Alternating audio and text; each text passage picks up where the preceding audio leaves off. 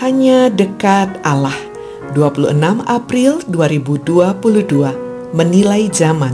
Lukas 12 ayat 54 sampai 56. Yesus berkata lagi kepada orang banyak, "Apabila kamu melihat awan naik di sebelah barat, segera kamu berkata akan datang hujan." Dan hal itu memang terjadi. Apabila kamu melihat angin selatan bertiup, kamu berkata, "Hari akan panas terik." Dan hal itu memang terjadi. Hai orang-orang munafik, rupa bumi dan langit kamu tahu menilainya. Mengapakah kamu tidak dapat menilai zaman ini? Kata-kata Yesus keras. Kepada banyak orang Yesus menyatakan bahwa mereka pandai sekali menilai cuaca. Tetapi mengapa mereka sulit sekali menilai keberadaannya selaku Mesias? Apa yang mereka lihat dari tindakan Yesus sudah cukup jelas. Orang buta melihat, orang lumpuh berjalan, orang tuli mendengar, orang miskin, baik harta maupun rohani diperhatikan.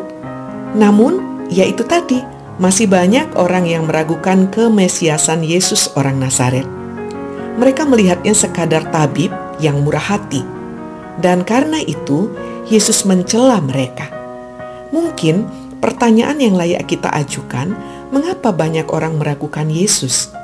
Bisa jadi karena mengaku Yesus sebagai Mesias menuntut konsekuensi logis. Jika mereka percaya bahwa Dia adalah Mesias, mereka harus taat kepadanya. Di sini mungkin persoalannya. Bisa saja mereka siap percaya, namun tidak siap menaatinya. Dan agar tidak perlu menaati Yesus orang Nazaret, meskipun punya cukup banyak alasan, mereka tidak mempercayainya.